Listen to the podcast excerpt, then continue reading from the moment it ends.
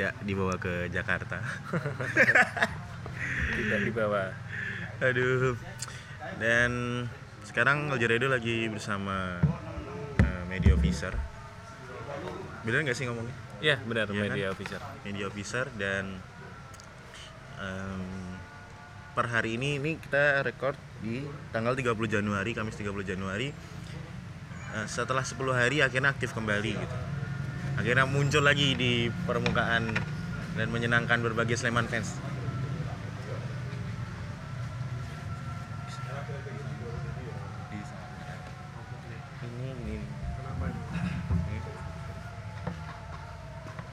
Jadi oh, angin segar. Em, selama beristirahat ini 10 hari apa yang sudah eh, eh apa yang terjadi pada waktu itu sorry? Apa yang terjadi? Sampai harus menyebabkan makanya rehat dulu nih. Wah ini admin Facebooknya ya. Iya. Eh, apa ya? Ketika ini apa pertanyaan? Jadi kenapa rehat atau Eh, kenapa rehat? 10 hari itu alasannya apa sih gitu? Oh, kalau oke kalau kit- kalau 10 hari itu kan sebenarnya cuma hitungan kami ya. Hmm. Maksudnya kami tidak merencanakan untuk ini harus 10 hari atau satu minggu itu enggak. Itu ada proses panjang yang kami lakukan selama dari vakum dari vakum hingga akhirnya pada pada pagi hari tadi kita untuk eh, memutuskan untuk kembali aktif lagi di dunia maya. Nah, eh, sebenarnya ada apa ya, Mas? Ada sedikit ganjalan lah di apa namanya di tubuh tim media sendiri. Karena kan nggak cuma saya ya. Saya dari tim, tim media ini ada lima orang dan itu ada tugasnya masing-masing dan suara kami itu bulat bahwasanya ini kondisinya sedang tidak baik itu ditandai dengan beberapa kejadian lah di Sleman bahwa untuk tidak menyebut eh, sebuah perseteruan mungkin ada saya bisa menyebut ada sedikit masalah anta- antara supporter dan klub. Hmm. Nah, kami tidak mau berdiri di eh, salah satu sisi lah ibaratnya, karena ya kami ada untuk em, mendeliver eh, sesuatu, mendeliver konten, mendeliver berita, mendeliver informasi untuk supporter dari klub. Jadi selalu seperti itulah. Nah, eh, ada suatu kejadian ketika 9 hari lalu kami mengupload latihan perdana yang harusnya itu akan menjadi impresi yang bagus. Tapi sebenarnya itu sudah kami prediksi bahwa akan menjadi eh, kontroversial karena di situ ada satu sebab titik balik yang menyebabkan beberapa masalah atau bukan masalah sih beberapa kejadian timbul salah satunya adalah pergantian head coach Hmm. ya kan pergantian Ya. pelatih kepala dari Seto ke Eduardo oh, tapi menurut saya itu ini ya kalau konteksnya itu sebuah sebuah profesionalitas dalam sepak bola itu sebuah hal yang wajar. Konteks pergantian pelatih ya. Eh, entah apa yang terjadi di belakangnya itu kan pada hari itu kami nggak tahu ya kan? Jadi ya kami upload aja. Upload konten latihan perdana. Nah di situ ada 2.500 komentar bahkan itu paling tinggi sorry dari- sorry sorry oh, potong di di IG. mana? oh di IG. Instagram Nah, itu ada terus, terus. 2.500 komentar. Itu mungkin dari itu kan itu kejadian tahun 2000 ini ya 2020 ya. Di 2019 ketika kita menang eh, lawan tim mana pun, kita comeback lawan PSM itu menurut saya salah satu komen paling banyak. Itu pun lewat. Lewat dengan dengan eh, apa namanya? kejadian kita upload latihan perdana. Itu 2.500 komen dan itu 95% nggak ada yang enak lah. Nah, sejak itu kami memutuskan, oh kalau gini kita mau upload apa aja nggak bakalan ada yang impress gitu, nggak ada yang bak- nggak bakalan ada yang ya menanggapi sesuai konteks gitu. Nah, maka dari itu kami untuk memutuskan, eh, kami memutuskan untuk sedikit rehat lah untuk melihat kondisi dan situasi hingga pada akhirnya hari ini dengan berbagai pertimbangan, oke nggak bisa nih kita diem terus. Karena ada pemain yang harus di eh, kita harus ibaratnya tetap harus menginformasikan lah kepada Seman fans bahwa tim ini tuh eh, sebenarnya masih jalan. Maksudnya info, kan tim jauh nih posisi Jakarta. Nah kita memilih oke lah sekarang ini saatnya kita eh, comeback lagi untuk memberikan informasi kepada Sleman fans. So kalau aku sendiri sih melihatnya menangkapnya adalah teman-teman seperti ingin untuk setidaknya untuk meredam eh, situasi yang memang lagi panas ini kan. hari ini ya dengan uploadan itu? Iya. sebenarnya tidak meredam karena kita tahu supporter ini tidak supporter ini tuntutannya banyak ya kan? Hing- dan hingga saat ini tuntutannya masih berjalan ya. Dan eh, saya mikir bukan hanya untuk meredam tapi cukup untuk menginformasikan aja. Kita nggak bermaksud untuk meredam apa namanya untuk meredam eh, kondisi yang terjadi saat ini. Jadi cuma ingin oh apa namanya eh, kita pengen lah me- paling tidak biar pemain nih tetap mendapatkan panggung. Kan tetap bintangnya kan tetap pemain kan ya. Tetap kita harus memberikan informasi lah apa yang terjadi di Jakarta. Apa eh, gimana kondisi pemain dan gim- apa namanya kondisi tim itu gimana. Cuma lebih ke pemain sama tim aja sama supporter sebenarnya So tadi sempat disinggung ada adanya pergantian eh, pelatih kepala di di tubuh PSS Em, dan ada sedikit kontroversial juga gitu ketika ternyata Hmm. eh, mungkin publik juga semuanya sudah tahu bahwa media officer tidak menjadi orang pertama yang di oke eh, diberitakan gitu kan ya. Nah, boleh tahu nggak sih eh, pada hari itu apa yang terjadi gitu? Mungkin dari dari point of view teman-teman media officer Oh nih. iya, oke. Eh, kalau menyebutnya media media officer kan merujuk pada saya sendiri. Oh, nah, gitu. kalau media official itu semua Hmm. ada lima orang itu. Jadi proses eh, prosesnya itu juga eh, jujur ini kami juga tidak tahu dari awal. Jujur itu nggak tahu. Bahkan ketika ketika in press con terjadi itu kami tahu dari teman-teman wartawan yang beberapa eh, kontak kami bahwa oh ini ini di mana? Terus kenapa yang diundang cuma segelintir wartawan? Dan bahkan eh, nggak semua lah intinya. Hmm. terus kenapa media official nggak ngasih tahu ke kami? Nah terus saya kan bingung juga.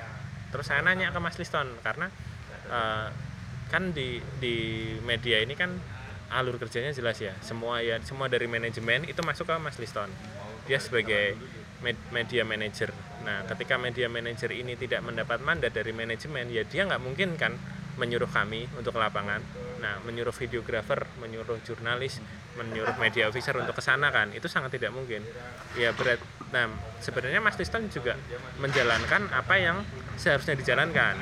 Ketika mandat dari manajemen tidak ada dari atasan tidak ada ya kami nggak bergerak gitu loh. Nah sekarang kembali lagi kalau ditanya kenapa nggak diundang ya karena tidak diberitahu gitu. Sesimpel itu sebenarnya. Kami juga nggak nggak terus gimana ya nggak terus. Tuh pas, posi- pas posisi pas posisi tahu nih di Ritz ada preskon tapi itu udah bahkan itikat baik kami mau nyusul ke sana. Itikat baik kami loh Hmm. waktu kejadian. Tapi ya eh, jarak posisi kami ke sana kan juga tidak dekat ya. Ke sana terus ngontek gimana udah mau selesai atau belum udah mau selesai ya udah udah udah ya udah tidak ya udah ya? terlewat Oke. Dan eh, apa yang terjadi setelah itu gitu? Maksudnya tentu kan pasti kayak tadi dibilang kan memang sudah ada flow kerjanya ya. Hmm. Nah, ketika setelah kejadian preskon Hmm. pelatih kepala itu apa nih yang terjadi selanjutnya? Ya, di internal ya Di internal. di internal tim jelas kami melakukan cross check ke manajemen. Uh, Mas Liston terutama. Dia bertanggung jawab penuh dengan apa yang terjadi di media kan. Dia cross check ke manajemen bahwa kenapa nih uh, media official tidak diundang? Kenapa uh, fo- fotografer kami uh, videografer kami tidak diundang? Padahal itu kan uh, berita yang harus disebarkan kan. Itu itu vital ya beratnya pergantian pelatih itu salah satu hal yang paling vital di awal musim seperti ini. Eh maksudnya yang paling harus diberitakan lah jangan disembunyi-sembunyikan. Nah Mas Liston cross check tuh ke beberapa orang. Beberapa orang pun di manajemen tidak tahu. Maksudnya jawabannya tidak tahu ya. Entah kita entah uh, dia memang tidak tahu atau uh, memang Pura-pura tidak tahu. pura-pura tidak tahu saya tidak. Hmm. saya juga nggak paham juga karena ya, ya kan pokoknya kita selalu percaya dengan apa yang keluar dari uh, mulut seseorang lah. Kita selalu ber, ber, apa, berpikiran positif. Oke tidak tahu. Sampai suatu sampai kami tahu malah dari video yang viral di Twitter Oh, iya, kalau nggak salah Mas Tito ya. Mas Tito datang ke uh, apa namanya ke PT menemui uh, apa orang yang paling bertanggung jawab di PSS uh, dengan alasan lupa. Nah itu bahkan kami tidak sempat berkesempatan untuk bertemu dengan beliau. Baru dari dari uh, itu di apa namanya itu bahkan kami tidak berkesempatan ya ketemu beliau. Dan setelah video itu kami eh, Mas Liston cross check juga. Ya alasannya sama lupa gitu. Lupa karena kalau ini versi versi mereka ya versi mereka itu kejadian mendadak karena segera harus diputuskan tim pelatih pelatih kepala asisten dan lain-lain. Maka dari itu eh, malamnya segera diputuskan. Ini harus mengundang wartawan dan lain-lain. Tapi mereka lupa mengabari kami. Begitu kalau dari versi mereka. Eh, yang cukup menarik buat eh, LJ Radio sendiri adalah mengingat eh, sampai hari ini sih si Bapak Fatih masih menjabat sebagai CEO gitu Iya. dan sedikit eh, kalau kami tidak salah track record beliau memang cukup lama nih bekerja di eh, sebagai wartawan dan di dunia olahraga juga. Dan sesuai di bio-nya adalah sport marketing kalau nggak salah ya kan?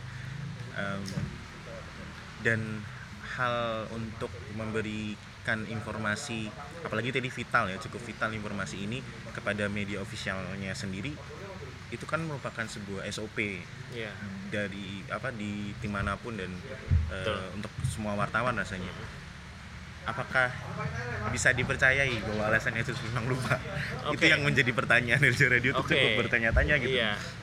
Ketika ada salah satu teman supporter yang berklarifikasi ke beliau jawabannya lupa, terus eh, dari kami klarifikasi ke pihak beliau juga jawabannya lupa.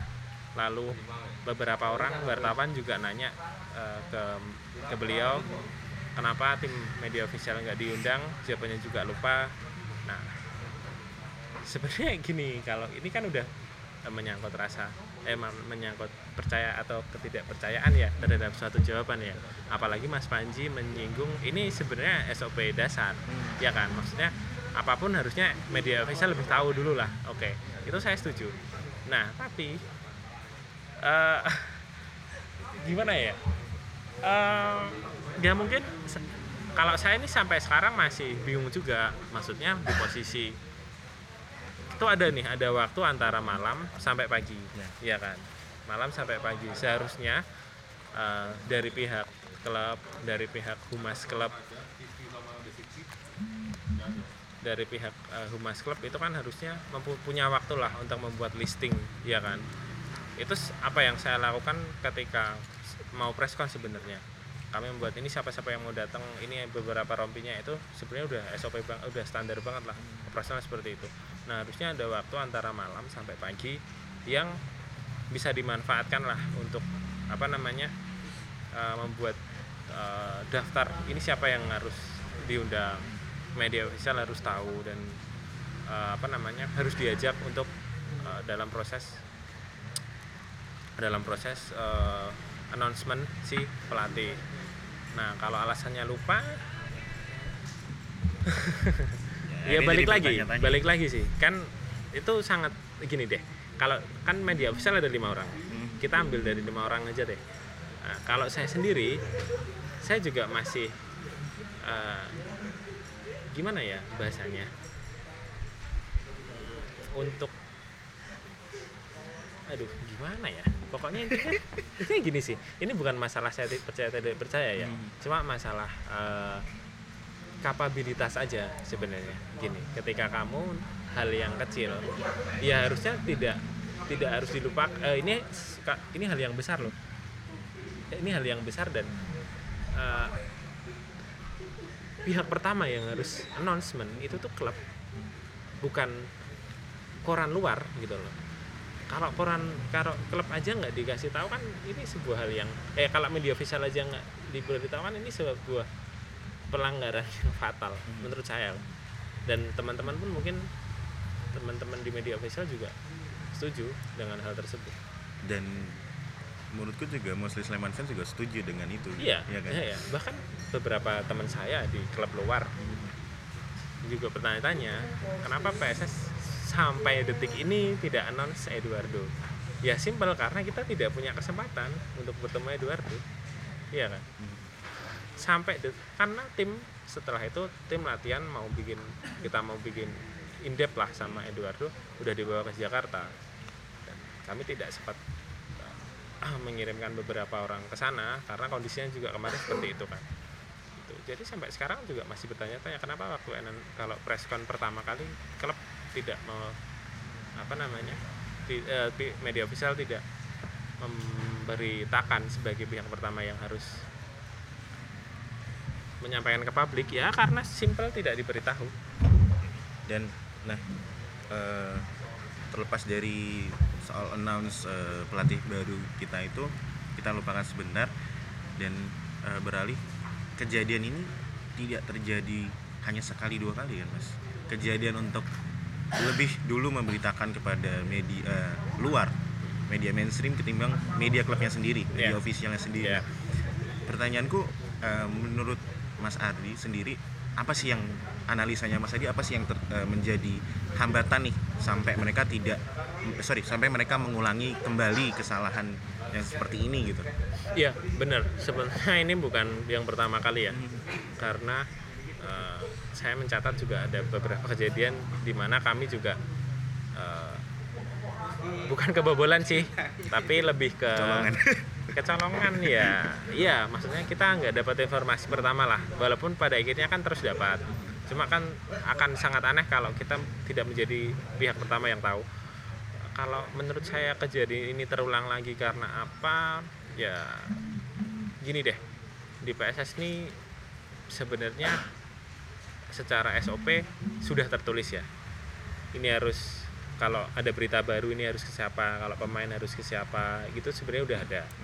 Cuma kalau saya menilai kenapa masih kejadian ini terulang kembali ya karena eh, tidak dijalankan dengan baik SOP-nya gitu loh. Masih ada beberapa peran yang tumpang tindih misalnya. Masih ada apa namanya S- SOP yang tidak dijalankan karena tadi peran yang tumpang tindih. Jadi harusnya ini hanya fokus pada bagian A dia juga ngurusi bagian B. Otomatis ketika aku butuh sama orang di A Ani nggak nggak nggak tahu informasi apa yang harus disampaikan kepada timku tim media official. Dia mas ma- dia ngurusin eh, apa namanya kegiatan yang lain gitulah jadi karena mungkin aku lihat kenapa masih kejadian seperti ini ya masalah SOP yang nggak maksimal sama kredibilitas di individu kan permasalahannya dari dulu seperti itu di PSS belum bekerja selayaknya apa yang diharapkan. So dari situ aku nangkapnya bahwa ternyata memang sudah dibikinkan SOP ya. Udah. Untuk eh, ibaratnya mungkin katakanlah eh, manajemen untuk bagaimana sih untuk memberikan informasi atau menyebarkan Iya. informasi pertama Iya. ke tim media official gitu ya. Dan udah ada. eh, sampai hari ini em, sorry sorry. Sampai hari ini kan udah bikin eh, postingan lagi nih akhirnya ibaratnya comeback lagi nih ya. Ya Nah, selama 10 hari rehat itu apa sih yang dilakukan oleh teman-teman? Kita pengen penasaran juga loh. Rehat Nah. itu apakah bener leyeh-leyeh di rumah, tetap sambat dengan PSS keadaan seperti ini? Karena kan juga eh, aku juga kurang tahu pasti tapi menurutku teman-teman juga memang sebagian dari teman-teman juga memang mencintai klub ini gitu ya. Nah, Iya. apa sih yang dilakukan waktu rehat itu? Nah, kalau tadi lihat, maksudnya per hari tadi kita kan nge- mengeluarkan dua video, eh tiga video lah. Itu sebenarnya udah dikerjakan uh, ketika kami sebelum kejadian ini, sebelum sebelum benar-benar apa vakum kemarin 10 hari, itu sebenarnya kita juga ngerjain konten. Jadi konten pemain datang tuh kita ya nggak terus cuek. Pemain datang ya kita melakukan itu tadi melakukan SOP-nya kita SOP-nya kami. Jadi ya langsung bikin konten ya entah nanti uploadnya kapan yang kita penting kita siap deh kita siap deh ketika jadi ada pemain baru ya kita bikin konten. Apa namanya ada pelatih keluar kita bikinkan konten. Terus ada tim ke Jakarta kami juga sebenarnya ini ada ngirim juga satu fotografer ke sana. Jadi sebenarnya nggak nggak layah-layah amat. Maksudnya kita rehat tuh nggak istirahat tapi tetap bekerja cuma nggak kerjanya kita kan akan terlihat ketika kita upload kan ke dunia maya kan. Makanya tadi saya garis bawain saya buat bahwa rehat dari dunia maya sejenak kan tidak rehat di dunia nyata. Karena di dunia nyata tim ini juga kerja. Bahkan apa namanya uh, kami intens komunikasi sama uh, teman kami yang di Jakarta. Uh, perkembangannya. ya baik perkembangannya gimana. Itu kita juga bikin apa namanya uh, wawancara juga sama pemain. Harusnya kan diupload waktu kemarin kita ini waktu kita jeda eh bukan jeda sorry uh, vakum 10 hari itu. Tapi karena kondisinya oke okay, kita kita lihat dulu deh perkembangannya biar nggak memanas banget. Makanya kita tahan. Oke. Okay. so kalau kita ngomongin buat mengarungi musim 2020 gitu dari teman-teman media official sendiri uh, pasti udah menyiapkan sesuatu juga dong. Kira-kira apa sih yang bakalan dilakukan oleh teman-teman media official nih di, di musim yang baru ini 2020 ini. Terutama mungkin mungkin ya sudah menyiapkan solusi baru agar uh, manajemen itu tidak kembali mengulangi kesalahan oh, yang sama misalnya. Gini, uh, yang jelas kami udah membuat ini ya kalau dari segi teknis kita udah membuat jadwal. Maksudnya jadwal kerja lah selama satu tahun itu masih kasar sebenarnya. Dan jadwal uh, apa namanya kerja mingguan itu pasti kami bikin. Maksudnya apa aja sih yang harus diupload hari ini apa aja selama seminggu. Itu teknisnya udah ada sejak musim kemarin. Dan itu mungkin kalau di itu itu udah jalan. Walaupun nggak 100% ya eksekusinya apa yang kita canangkan tuh tereksekusi dengan baik. Cuma paling serapannya udah ya 80% apa yang kita rencanakan tahun kemarin bisa terlaksana lah. Nah tahun ini kan kita juga nggak pengen cuma jalan di tempat kan. Uh, apa namanya ya pengen cuma uh, ya udah apa flat flat aja kan enggak. Kita uh, planning untuk satu musim ke depan itu udah di, dijalankan. Itu secara teknis. Nah kalau secara untuk menanggulangi kejadian seperti tim media uh, nggak uh, diberitahu tadi uh, atau ketinggalan info tadi itu kami juga udah ada. Jadi kita nggak cuma ngandelin satu orang. Maksudnya nggak cuma ngandelin satu orang untuk uh, mencari tahu info jadi ada beberapa orang yang nantinya akan apa namanya berkomunikasi dengan uh, beberapa orang di manajemen. Jadi cross check lah saling cross check jadi kita udah ngalah lah nggak usah nggak usah nunggu dikasih tahu. Malah mencari langsung. Nah kita jemput bola gitu. Jadi memang kita ya wis lah ini kan sebenarnya kita kan uh, penting supporter kita reti gitu loh. Penting supporter kita nomor siji reti kondisi timnya gitu. Kondisi timnya gitu. Ya udah kita jemput bola. Lebih sekarang apa apa kita lebih jemput bola. Misalnya pemain mau datang ya udah kita kita minta list nih siapa yang mau datang datang gitu. Nah akhirnya mereka juga sekarang terbiasa dengan mereka nggak tanpa kita minta mereka udah ngasih tahu ini jadwal nih pemain datang tak tak tak tak gitu. Datang hari apa? Kamu bisa bikin video di jam-jam ini. Gitu mereka beberapa orang udah uh, udah ke, gitu ke kami sejak kejadian kemarin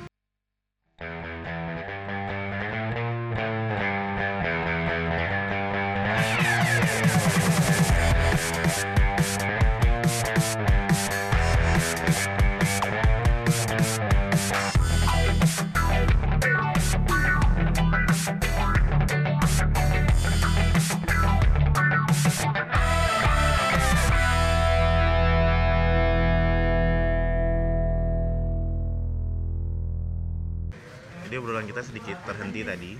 Dan tadi Mas Ardi dari media officernya media official. Ya uh, menjelaskan soal uh, beberapa rencana tim media official di, di musim baru ini ya.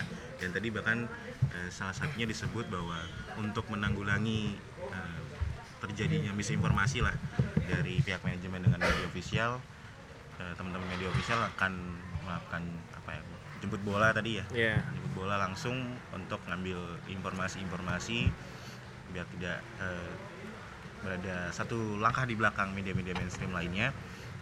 Dan kemarin tuh sempat nah jadi kenapa LJ Radio itu sangat pingin wawancara dengan media media ofisial? Karena kemarin LJ Radio eh, jadi salah satu karena ada banyak akun-akun yang akun komunitas ataupun akun eh, pribadi teman-teman kita yang mempertanyakan nih mana sih media ofisial? Kenapa nggak ngepost nggak apa-apa nggak ngapa-ngapain? Dan kita cukup kaget ketika loh kok malah Mbak Viola yang upload foto pemain si Fitra Ridwan? Bener kan? ya Fitra Fitra Ridwan. Ridwan dan dari situ kita waduh kok jadi ketinggalan lagi? Ternyata kejadian yang sebenarnya barusan aja udah dijelaskan oleh Mas Ardi dan melalui Twitter PSS juga per hari ini juga sudah dijelaskan. Ya dan oleh karena itu sorry loh ya kita tidak bermaksud apa pun.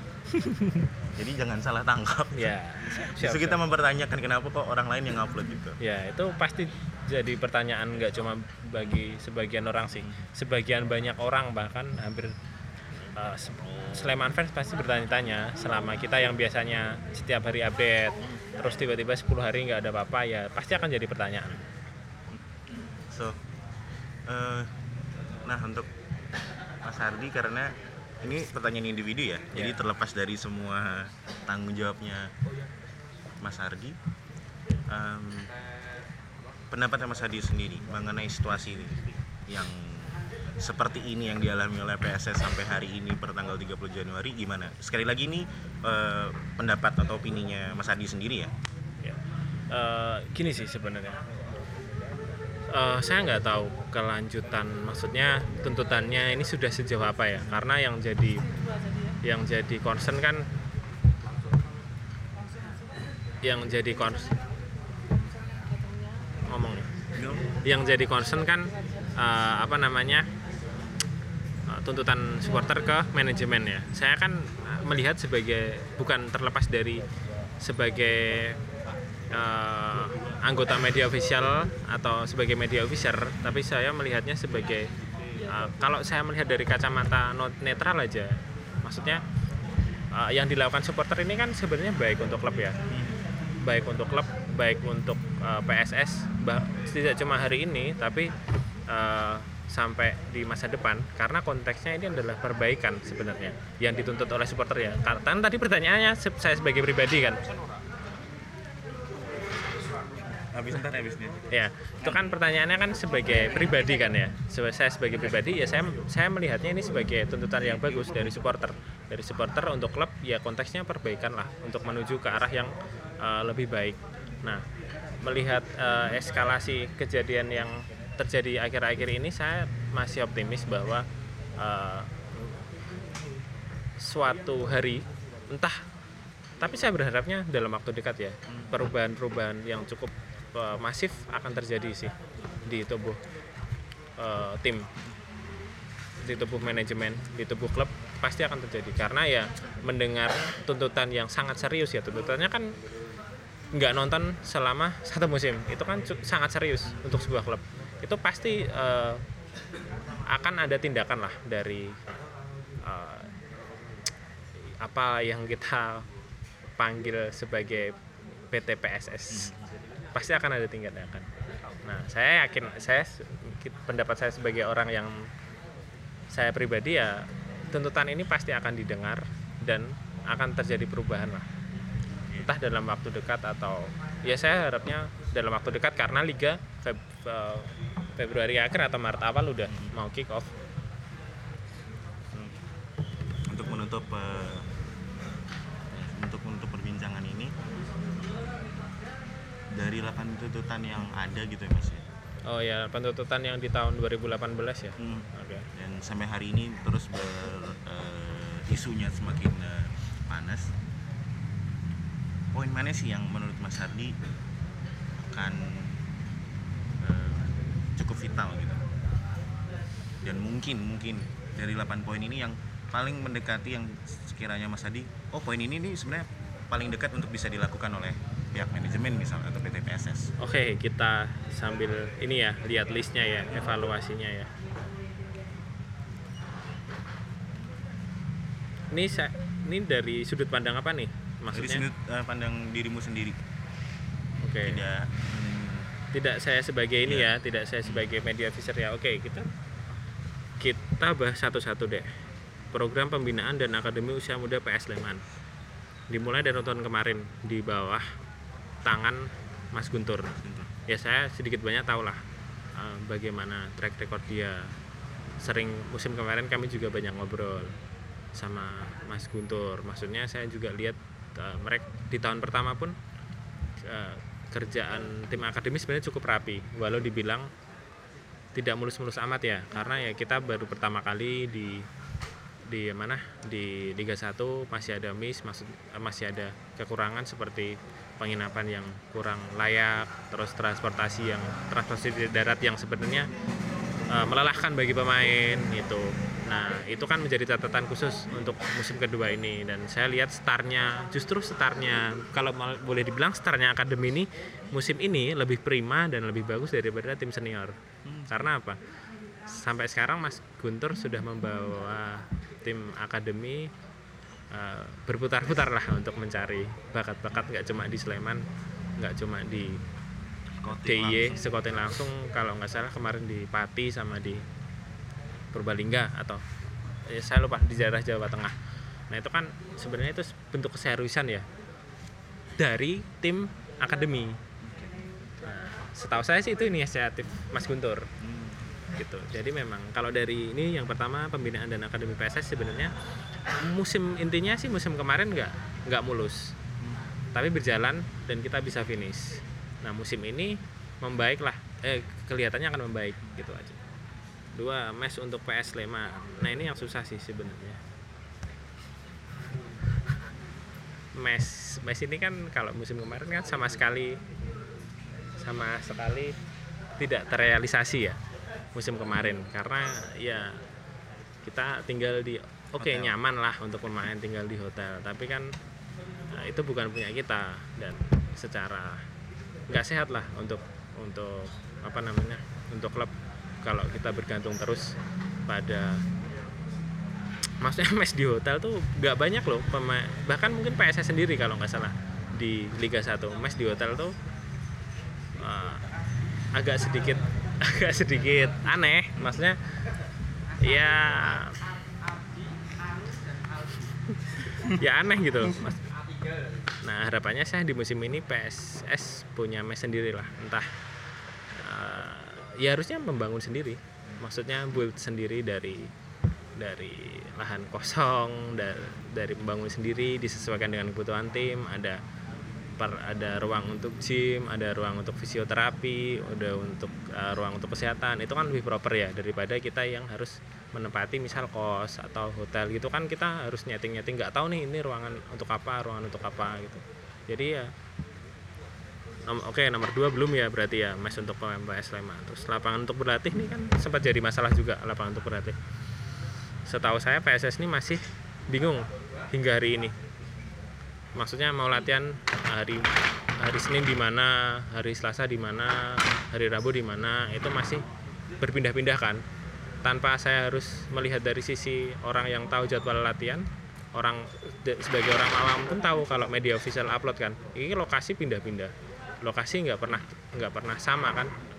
Kadang YIS kadang UNY kalau nggak dapat lapangan di Berca gitu kan nggak sehat sebenarnya. Kadang UII jaraknya kadang kalau musim kemarin ke UII dari mes eh, dari hotel itu pemain ngeluh terlalu jauh ya kan? Maksudnya sore-sore belah dari eh, Jogja dari Jogja ke Sleman Utara itu kan sangat capek. Jadi untuk lapangan latihan ini ya kalau bisa ya dari musim ini udah punya sendiri walaupun ya susah-susah gampang membuat lapangan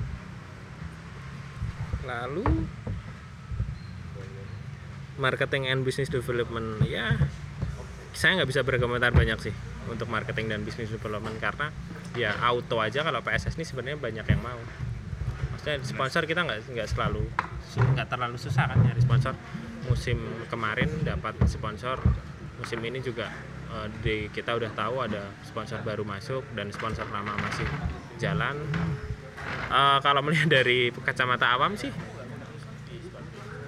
agak susah ya marketing dan business development ini. Maksudnya untuk menilai siapa-siapa aja yang berperan, siapa- siapa-siapa aja yang um, uh, berperan menjual PSS di mata sponsor ini kan saya juga nggak tahu. Walaupun ya kalau dilihat dari dari hari ini kan cukup cukup oke ya. Menghapus peran gandana ini masih ada. Kalau ini kan saya harus bicara sebagai uh, orang yang tahu keadaan di dalamnya. Masih ada sebenarnya.